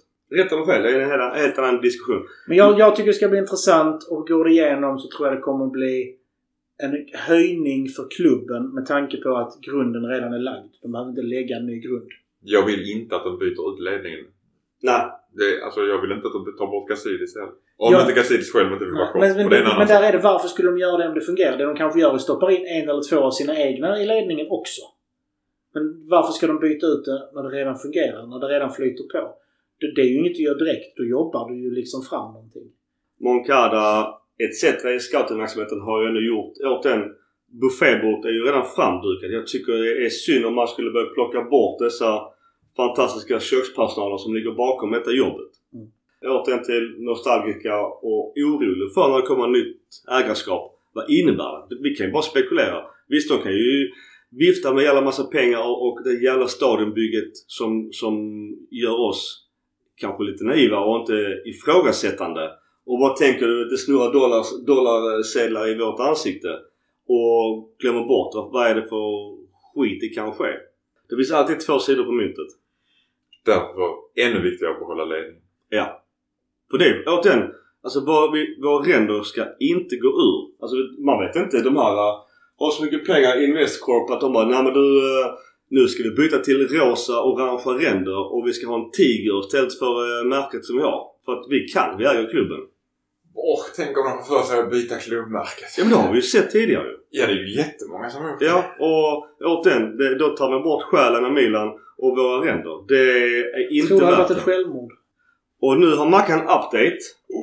Berätta, update. Vilken, ma- vilken minut är vi och vilken match Det snackar vi är om? matchminut 85. Oj. Bologna gör 2-1. Vem? Sansone. Oj, oj, oj. Det är där på ribban Inter. Ta, Fy ta fan. fram eh, like-tabellen. Det Det innebär att vi har två poäng mer om det här resultatet står sig med lika många spelade. Och eh, internt på Inter. Vi har ju internt på alla topp 6-lagen. Har vi det? Eller? Är det Är det inte Napoli vi Napoli? ligger Just det, lika? var Selmaks Mm. boom vi Ja, pratade om. Napoli ligger vi lika. Lika. Så Ja. där blir det målskillnad. Och då Napoli har de tyvärr bättre målskillnad i dagsläget. Vi får Ja, göra men- en jävla massa mål i de sista matcherna. Men Ja. Napoli har 67 poäng och vi har 74. Ja. Napoli är ur form ska sägas. Men ska vi runda av det här? Det är inget officiellt så vi behöver kanske inte grotta ner oss än. Vi kan väl ta eh, eventuellt eh, lite mer background senare. Men Jag generell, Får jag rätta mig själv? Jag Ja. trodde att Napoli hade mycket bättre målskillnad än vi har. De har ett mål bättre. Ja, Okej. Okay. Går framåt i sig knappt. Men ska vi sammanfatta detta så tror vi att det, tycker vi att det är, Vi tror att det blir positivt. Jag vet inte. Om de... eh, Och vi hoppas att de behåller... Jag vet inte vad fan som händer med Milan. Om detta är till det bättre eller sämre. De har ju återigen, jag förstår också som ny ägare kan du inte säga nej men vi är rätt nöjda med, med vad där vi är. Utan det är klart att de säger på en tioårsplan att vi ska vara på toppen om 10 år. Men varför skulle de köpa om de inte har ambitioner? Det, Det, det finns bättre investeringar. Absolut. Ja, Premier League-lag är ju mycket mer lukrativt av alla anledningar. Så att det är klart, jag hoppas också att det blir det bästa för Milan men jag vet inte fan vad som händer med Milan. Det som jag sa tidigare, det finns två sidor av myntet och när man fladdrar med dollars eh, framför ett ansikte så blir många jävligt korkade. Jag tror, jag tror det kan bli positivt eftersom grunden är lagd. Jag känner så här. Om Maldini väljer att lämna. Då litar jag inte på de nya. Nej. Jag har fan vad mycket tr- tilltro jag har till honom. Jag med. Men jag tror att han har så mycket insyn i vad, vad Milan betyder. För det betyder så mycket för honom. Mm. Att om han självmant väljer att lämna. Då Mm. litar han inte på det. Så att, jag är nervös också. Vi får se. Det, Vi det, vet, det, inte en ens, vi vet ju inte ens om det kommer gå igenom det här. Utan ingenting har ju offentliggjorts från, eller officiellt från Milan. Men stämmer pengarna hur så kommer Elliot sälja. För då gör de ju vinst. Ja, fast jag kan tänka mig att de kan, göra, kan tjäna ännu mer i framtiden. Ja. Sen är det ju ett omtänk här och nu och du tjänar pengar på det. Många tjän- gör- väljer ju att sälja då. Sant. Är vi nöjda med eh, detta Yes. tills vidare? Tills vidare. Tills vidare. Och kort notis. Eh, Marco Nasti, eh, vår ungdomsspelares bombare i mål vid Primavera, har förlängt kontraktet till 2026. Det är faktiskt rätt många klubbar som har varit och ryckt i honom. Så att eh, jag misstänker att han blir en spelare som vi kommer byta bort eh, eller låna ut. Ja. Vi måste, del. måste få matchtid. Och sen en annan spelare, anfallare. Då har vi din eh, kompis eh, Gurra i Divock Origi. Mm. Där Klopp håller inte med dig. Så är frågan, vem ska vi lita på? Dig eller Klopp? Han Ja, säger, men- vänta men- stopp, men- stopp, stopp.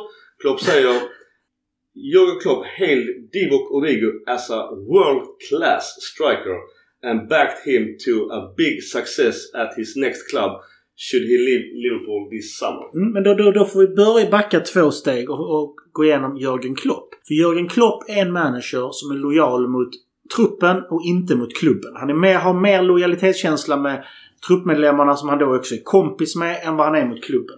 Man kan tycka vad man vill och så vidare om det. Klopp skulle aldrig såga en av sina egna spelare. Han skulle aldrig säga någonting annat än att de är legender, att de är världsklass och så vidare. Har man sett Divock Origi spela matcher så vet man att han har, han har målkänsla, han är vass i boxen. Men det finns ju en anledning till att han aldrig någonsin har varit ordinarie. Det är ett tufft anfall Liverpool ska jag säga. Det spelar ingen roll. I så fall borde han ju ha lämnat om han haft ambitionerna. Och han har inte levererat alls i varje match han har fått chansen. Han har enorma dippar och han har haft enorma toppar. Eh, det som jag sa i förra avsnittet. Det kan bli hur bra som helst och det kan bli hur dåligt som helst. Det handlar om speltid, det handlar om förtroende och rent flyt misstänker jag. Han är 27 år gammal eh, så att det är ju rätt ålder och jag hoppas att eh, jag kan lite om Origo för att ge honom den bedömningen. Men att även med nya ägare eller inte så att han verkar ändå ganska klar. Nej men absolut som backup initialt så kan jag köpa det. Men att, ta in honom som starter tror jag är ett enormt misstag. Vi går vidare på spelare i vår gamla kompis eh, utbuade Kessie. Har stött på patrull i hans eh, kontrakt med FC Barcelona som åkte ut så det visslade mot eh, Eintracht Frankfurt med 25 000 på läktaren. Det var inte alls Barcelona nöjda med att det var så många Frank, Tyskar. Frankfurtare. Ja, alltså de eh, ögde ju eh, nog kamp på läktarmatchen. Men fan om Kessie och Barcelona blir en skilsmässa innan den som har stått på altaret. Jag tar gärna tillbaks Kessie om han bara kan dumpa agenten och skriva nytt med oss istället. Vilken dag som helst. För med, med återigen om vi spekulerar, nya ägare.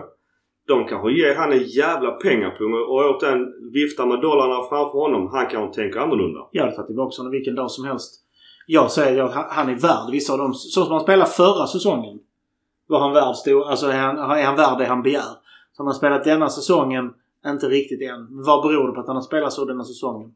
Jag tror mycket väl kan tänka sig gå ner lite men nu, nu har man hamnat på varsin sida av staketet och kastar sten på varandra. Ja. Och det är alltid en dum utgångs, dumt utgångspunkt. Man kan våga spekulera i Kessie. Det är ju faktiskt inte officiellt. Jag har absolut inget emot om han förlänger. Det, är, det jag kan hoppas att Kessie kan på något sätt förstå när våra mindre begåvade fans buar mot honom och skriker åt honom är att anledningen till att de är så upprörda är att de vill att han ska stanna. Klart. Annars hade vi inte brytt Jag hoppas att han kan Ja. på något sätt inse det. Där finns ju många som lämnat Milan på Bosman som vi gjort en axelryckning för. Mm. Däremot är det lite synd. Jag följer honom jag följer ju honom på Instagram såklart eh, i, i vårt podcast Rosenell Instagramkonto och jag tycker det är synd att inte han lägger upp samma fanbase-firande bilder som många andra spelare gör. Så att också efter Lazio att det är... Om man ska vara petig i helvetet så jag hade velat se att han... Jag vill att du tittar längre bak då på hans inlägg också. Så du inte bara tittar och tänker på hur det ser ut nu och jämför med Theo Hernandez. För Theo Hernandez har alltid haft mycket mer eh, förhärligande fanbild-grejer. Medan Kessie kanske har varit lite lugnare under hela tiden han har varit i Milan. Sen kanske inte han återigen driver sitt eget konto såklart. Det kanske sitter någon, någon luffare från någon... någon, någon Säkerligen har de någon som gör en del av grejerna. Jag vet. Ja. Vi eh, har väl ändå strimma hopp om att han kanske stannar.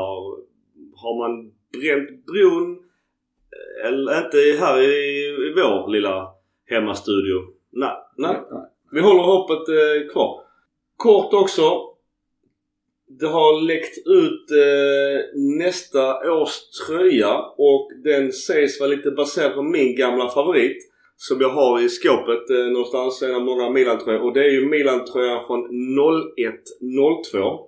Vad tycker ni om eh, Pumas variant av 01-02-tröjan? Nej. Du gillar inte den? Nej. Det, det, det ser ut som du har en svart t-shirt som du har klistrat på tre röda streck på fram. Vi får väl tillägga att det här är absolut inget officiellt. Detta är Nej. någon som Nej. sitter och klipper och klistrat där hemma bara. Eh, jag, jag gillar den som har he, hela ränder på... He, bred, breda hela ränder över hela.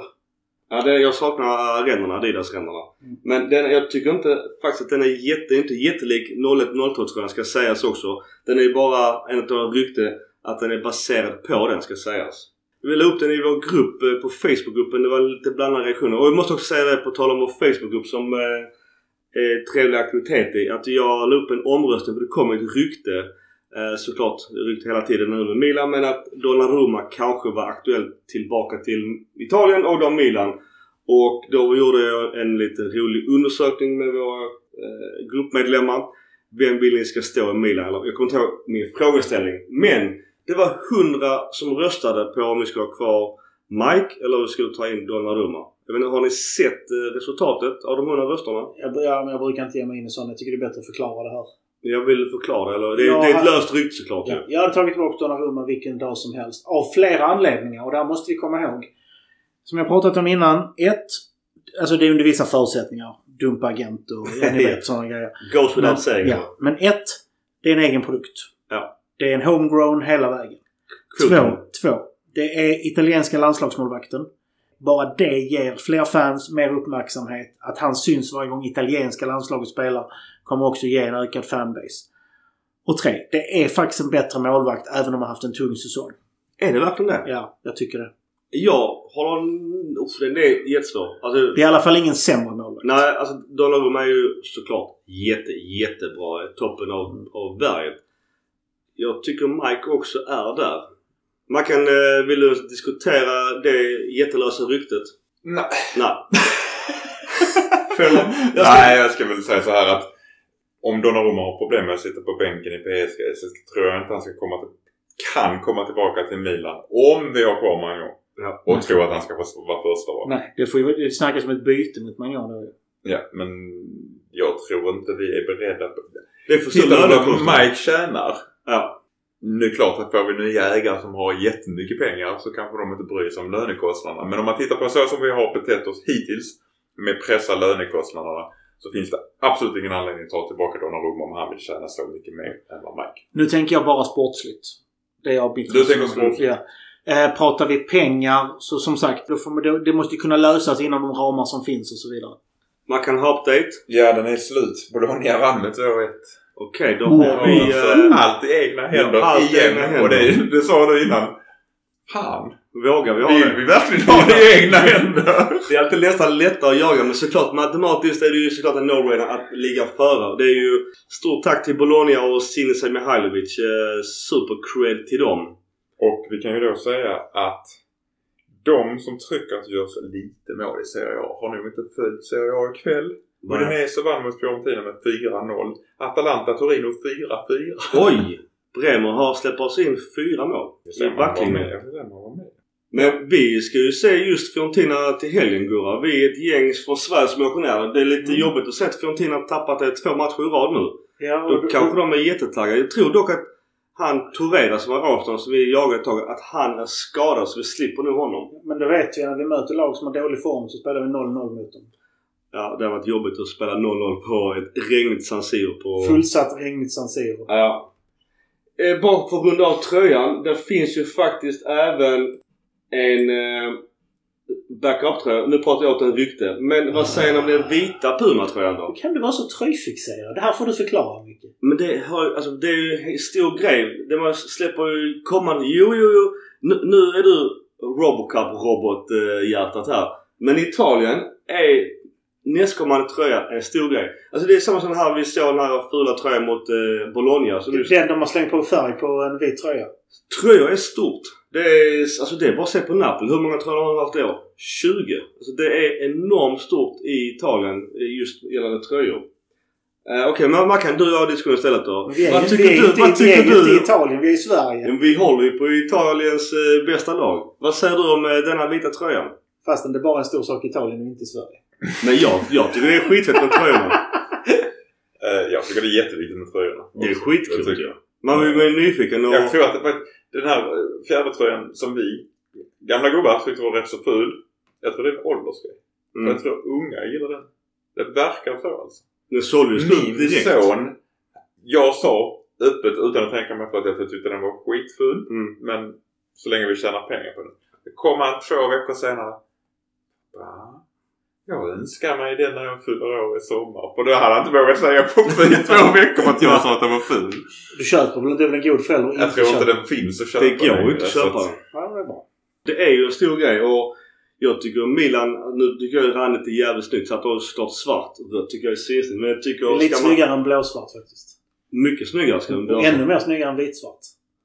Ännu snyggare. Definitivt. Eh, Däremot så Sassulos grön svarta är okej. måste jag säga. Om Men du har haft ska... en sån som andra tröja då? Ja, De men får jag- inte ha det. Nej. Från och med nästa säsong får man inte ha grönt i tröjorna i Italien. Är det för tv-sändningar? Ja. Det blandas så mycket med gräs. Det är jätteskönt. Men däremot, eh, jag tycker Milans vita bortröja är ofta snyggare. Eh, Den här tycker jag väl är helt okej. Helt okej. Om det inte Ja. vore för de uh, vertikala fångränderna. Hade, den varit- hade den varit helvit och bara haft de där loggorna så hade den varit skitsnygg. Det jag kan tycka är, alltså jag tycker faktiskt Milans tredje ställ som när det kom, det helsvarta, jag tyckte inte det var så snyggt. Mm. När man ser det med, med, med numren på ryggen och namnet på ryggen så är det mycket snyggare. Ja men det är det.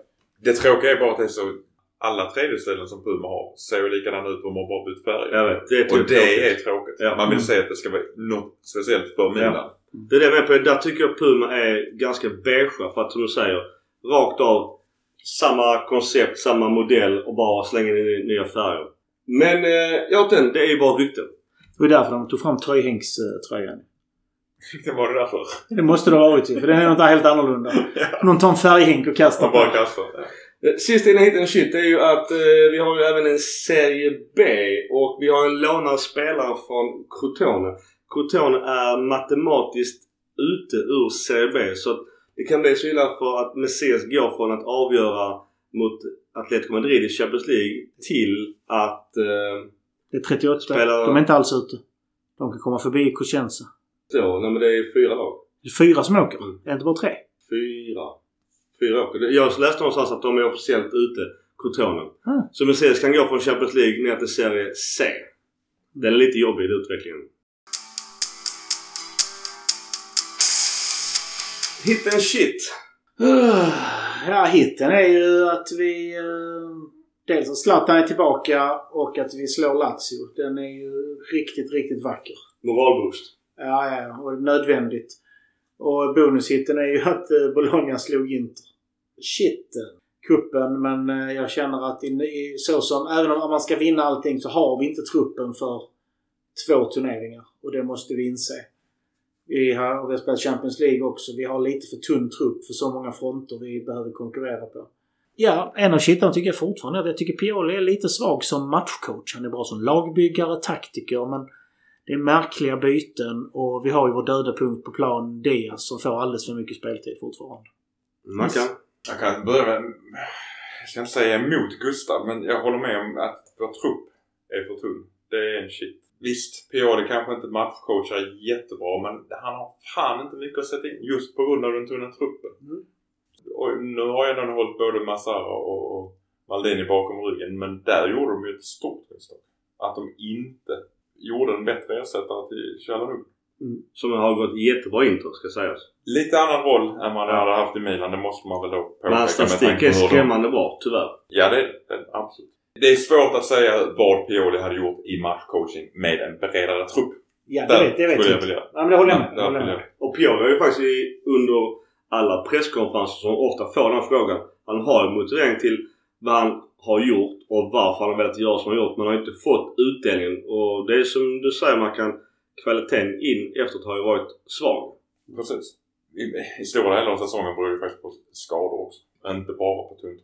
I alla fall i den offensiva delen. Men eh, en hit tycker jag är att vårt offensiva spel framförallt eh, mot Lazio såg mycket bättre ut. Och egentligen såg det ganska bra ut mot Inter också. Det är fortfarande ineffektiviteten som, som stör mig. Om man då jämför med matcherna tidigare där vi spelade lika och, och vi faktiskt vann mot Genoa. Där vi faktiskt inte spelade bra offensiv fotboll överhuvudtaget. Mm. Så ser det ut att vara en, en bättre form på den formen. Så det ser jag som en hit. Och givetvis så är det en, en ultrahit att Tonali får göra mål. Ja, den var nog välbehövlig för Ja, han, han behöver det och det var bra för Milan som lag helt enkelt. Bonus shit är att han tar gult kort. Ja, den, den kör vi på. Jag tror jag ska ta med min eh, Puma-tröja och trycka hans namn. Jag har inte haft namn på mina Milan-tröjor på många år men Tonali känns som en eh, spelare jag kan sätta på ryggen med eh, utan tvekan faktiskt. Jag tillhör kulturen där man sätter sitt eget, ett eget nummer och sitt eget smeknamn. Mm, det är inte jag. Och där är ju också, också en liten shit i att ryktena dyker upp om ägarbyte i ett sånt här avgörande skede av säsongen. Dålig Jag tycker inte alls det är bra. Men tror ni att det påverkar truppen? Det kan ju faktiskt göra det. Medvetet eller omedvetet. Men många kan ju börja tänka så här: okej. måste jag packa väskorna? Eller får jag stanna kvar? Eller måste jag prestera ännu bättre nu? Ja, och- men då kan du bli stressad. Ja. Och inte prestera på grund av att du är stressad. timingen är dålig. Jag tycker Och så. när kom ryktena först? Samma dag som det var, eller dagen innan derbyt kom första ryktet. Det är en, inter, det är en komplott. Det är Nej, Italien. Det jag är ska- interkomplott. Jag ska inte säga att det är en komplott men det är väldigt mycket sånt i när det är avgörande skeden. Då sprids rykten mer. Jo, men då vet ju medierna att de säljer mer. De kan ha sökt hållit på det ett par veckor. Absolut, absolut. Dagen innan derbyt. Vaff! Speciellt om det då är Turin-baserade tidningar eller något sånt där. Så. Ja. Min eh, shit det är att jag sa i början på den här säsongen att jag skulle ha Salamakers under lupp. Nu är det i och för sig fyra matcher kvar. Men han har gjort eh, mig jättebesviken. Han, jag trodde att han skulle göra en utveckling och uppväxling. Skrev, skrev nytt kontrakt och faktiskt sen hans nya kontrakt har han varit dålig rakt av. Det har varit för lite poäng. Det har hänt så lite kring honom och återigen det här med, med Pioli och byta. Han har ju innan varit en solid spelare. Tagit bort hela högkanten med Calabria. Calabria får ju städa rätt mycket efter honom. Han, han gör tyvärr inte sitt jobb bakåt på samma sätt längre. Och tyvärr går det också hand i hand med Diaz. Diaz som ändå en nummer 10 spelare. Han gör ju färre poäng än vad Honda gjorde. Och Honda satt på bänken. alltså det, så illa är det. Att det, Snälla låt ingressen vara. Han gör färre poäng än Honda när Honda satt på bänken. Ja men det är sjukt! Det är hemskt. Det är hemskt. Det är nummer 10-spelare. Han har velat, han har velat ha numret. Han spelar i den rollen han vill spela. Det är en futsalspelare. Han är säkert världsmästare på futsal. Men han är för dålig tyvärr Milan. Och det är... Du, du sa förra en död punkt. Hemskt att säga det. Men det är ju tyvärr, det händer för lite kring en sån spelare och det är en så jävla viktig roll i vår taktik. Mm. Plus såklart att vi lyfter Bologna ikväll. Vi hatten av för dem och, och Sinisa hjälper oss. Och eh, moralboosten i Lazio borta. Eh, alltså vända 0-3 kuppen när alla hänger med huvudet. Eh, smått applådera och sen att vi eh, vänder mot Lazio 12 000 milanister på Olympico. Alltså det måste ju varit alltså, enorm eufori. Och återigen eh, en enormt svår bortamatch. Nu har vi tuffa matcher kvar. Men eh, nu har vi det i egna händer. Så att nu kan vi faktiskt bara förlora dem. För en, en tanke här är ju faktiskt att vi faktiskt har spelat bättre mot bättre Ja. motstånd. Ja. Om man ser över säsongen. Så det kanske bara är bra om vi kan ha lite tuffare motstånd. Det är därför jag är övertygad om att uh, Fiorentina blir tuffare än vad det borde vara. Jag kan säga Gurra ditt Liverpool leder på 2-0 mot Villarreal. Så det blir en bra kväll för dig om inget annat. Vi har faktiskt två poäng till godo ner. Och det jag kan säga också i just i matchväg. Det är att vi har ju Fiorentina nu i helgen. På söndag. Och sen har vi Hellas borta, Atalanta hemma och Sassuolo borta. Det är ju inget lätt spelschema. Det är det jag menar. Det kanske är bra. Ja. Det kanske får oss att bli bättre. Och fördelen är också de lag vi möter. Visst, nu har Fiorentina har Europa League-plats att spela för. Men övriga lag har ju faktiskt inte mycket spel. Till och med Atalanta nästan är ju borta från eh, Europa League-platserna. Och ni, ni vet ju vad den där tabellen innebär. Att eftersom vi är i Italien.